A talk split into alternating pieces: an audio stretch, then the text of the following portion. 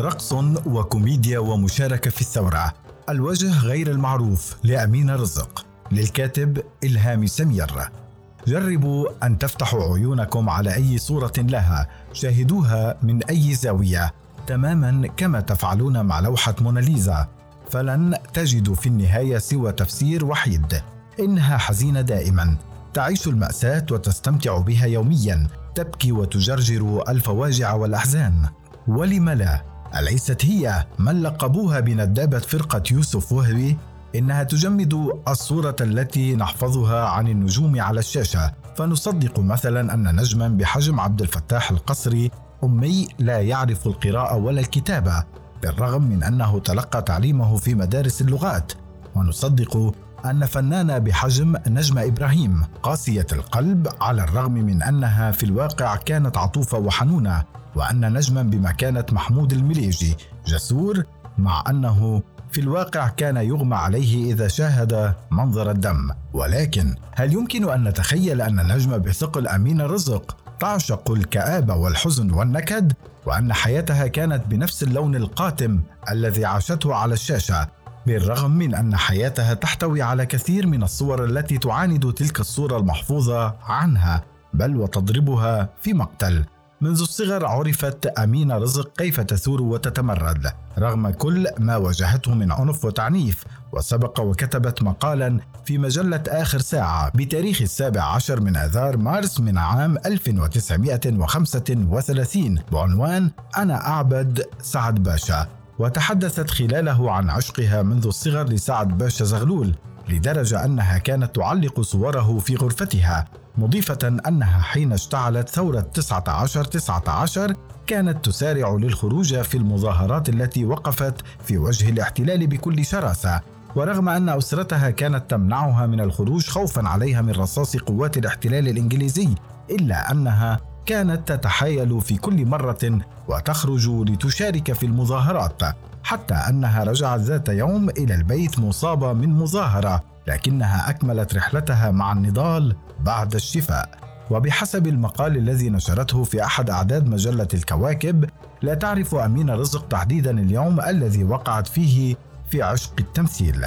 كل ما تذكره أنها في مرة من المرات وبينما كانت في السادسة من عمرها ألحت على خالها الذي كان يعشق السينما والتردد على الموالد ومتابعة الفرق المسرحية بها أن يصطحبها معه إلى المولد. أو السينما ورغم تخوف الخال من ردة فعل والدها الذي كان حازما وصارما ويرفض أن تزور ابنته الموالد أو صالات السينما إلا أنه فشل في رفض طلبها واصطحبها معه للسينما التي كانت تعرض آنذاك أفلام السلاسل وتجوب بها المحافظات. وبعد عودة أمينة علم والدها بما جرى فما كان منه إلا أن هوى على جسدها النحيل بالكرباج. فأسرعت لتختبئ تحت السرير وتردد أن تلك العلقة كانت أحد أسباب إحجامها عن الزواج بعد أن كرهت صنف الرجال. في مثل سنها كان من المنطقي أن تبتعد الطفلة أمين رزق عن أي مصدر للألم النفسي والجسدي وألا تحاول تكرار التجربة مرة أخرى إلا أنها اكتشفت أنها غير قادرة على إخفاء حبها للفن وطلبت من خالها يصطحبها إلى الموالد سرا لتشاهد الفرق المسرحية هناك وتحملت في سبيل ذلك كثير من العلق التي كانت تزيدها إصرارا في كل مرة. بالرغم من أنها استمرت لنحو عامين ولم تتوقف إلا بموت الأب وهي في عمر الثامنة. في عام 1918 نجت أمينة رزق من محاولة قتل كان السبب الرئيسي وراء رحيلها عن مدينتها طنطا في محافظة الغربية إلى العاصمة القاهرة. وسبق وتحدثت أمينة عن تفاصيل تلك الواقعة وقالت إن زعيم عصابة إجرامية علم بوفاة والدها وأخبره البعض بأنه ترك ثروة كبيرة فقرر هذا الرجل أن يتخلص من زوجته وابنته أمينة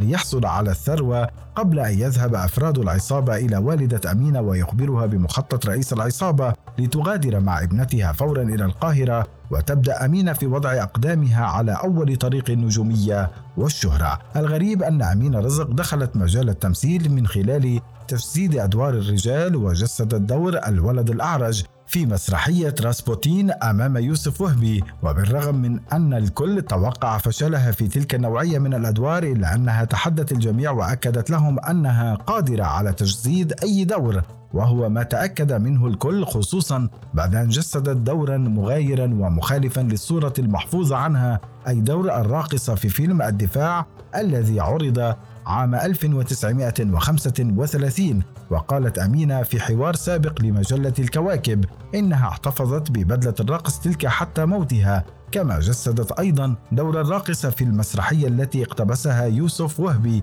عن غادة الكاميليا وحققت فيه نجاحا كبيرا لفت إليها الأنظار. غير أن المخرجين رفضوا أن يروا هذا الجانب من موهبتها وأصروا على حصرها في أدوار البنت المغلوبة على أمرها وهو الدور الذي سيتطور لاحقا بفعل الزمن ليجعلها تقدم أدوار الأم المغلوبة على أمرها. واستمر الأمر هذا حتى بعد أن قدمت اللون الكوميدي وأبهرت به واحدا من أساطير الكوميديا في عصره نجيب الريحاني. وكتبت إحدى المجلات الفنية تقول أمين رزق ضحية الحسب والنسب وضحية حب أبيها وأنانيته رقيقة وديعة كنسمات الفجر ولعل هذا الدور يكون فاتحة أدوار أخرى بعيدة عن اللون المقبض الكئيب الذي اشتهرت به إلا أن المخرجين رفضوا تغيير جلدها وحصروها في نفس الزاوية الكئيبة. لمحة أخرى من لمحات التمرد في حياة أمين رزق تشكلت في المرحلة الأولى لانطلاقتها الفنية حيث دخلت في مواجهة شرسة مع والدتها بسبب رغبة أمينة في ترك المدرسة والتفرغ للتمثيل. فيما أصرت الأم على أن تستكمل ابنتها تعليمها وأصرت الابنة على أن تهب الفن كل حياتها وأن لا يعطلها عنه أي شيء حتى وإن كانت الدراسة. وفي نهاية المطاف كانت الغلبة لأمينة المتمردة التي رفضت الارتباط أيضا وأن تكلل قصة حبها بالنجاح بعد أن طلب منها حبيبها أن تضحي بالفن وتتفرغ لبناء أسرتها الجديدة. كما كادت أمينة رزق أن تتسبب في أزمة دبلوماسية بعد أن أرسل إليها ثري عربي ذو مكانة كبيرة شخصا يطلب يدها لكنها رفضت طلبه بحدة وتسببت في إحراجه. وبالرغم من محاولة البعض إثارة الخوف في نفسها من ردة الفعل إزاء تلك الخطوة إلا أنها أعلنت أنها تعمل الصح من وجهة نظرها ومش بتخاف من حد. وفي صفحات أخرى من ألبوم الصور التي يرفض الكثيرون الاعتراف بها عن أمينة رزق سنجد أنها تمردت وظهرت تلعب كرة القدم التي كانت حتى قبل سنوات قليلة حكرا على الرجال وتمردت وظهرت بالميو ولم تشغل بالها بهجوم الرجال على صورتها وكيف تلتقط صور لها على الشاطئ. بتلك الجرأة كما تمردت حين تم إبعادها من الفرقة القومية للمسرح بحجة بلوغها السن الستين وأنها لم تكن قادرة على العطاء وأثبتت للجميع أنها وحتى في سن الستين من عمرها قادرة على إمتاع الجمهور وإدهاشه مع كل دور تقدمه. وكذلك كانت أول فنانة تترشح لعضوية مجلس الشيوخ وفي اليوم الإعلان عن دخولها قبة البرلمان بدأ البعض يهمس بأنها لم تضف أي شيء. وخاضت أكثر من معركة لتعلي من شأن الفن المصري وتحافظ على مكتسبات فنانين مصر مطالبة بمزيد من الخدمات والحقوق لهم. أما تحديها الأكبر فكان وقوفها أمام من وصفها بأن عدوة الرجال بعد أن رفضت الزواج وفضلت أن تهب حياتها للفن حيث كانت في كل مرة تدافع عن وجهة نظرها وتؤكد أنها لا تخشى لقبا كهذا لأن الرجال هم من لفظوها. وأبعدوها.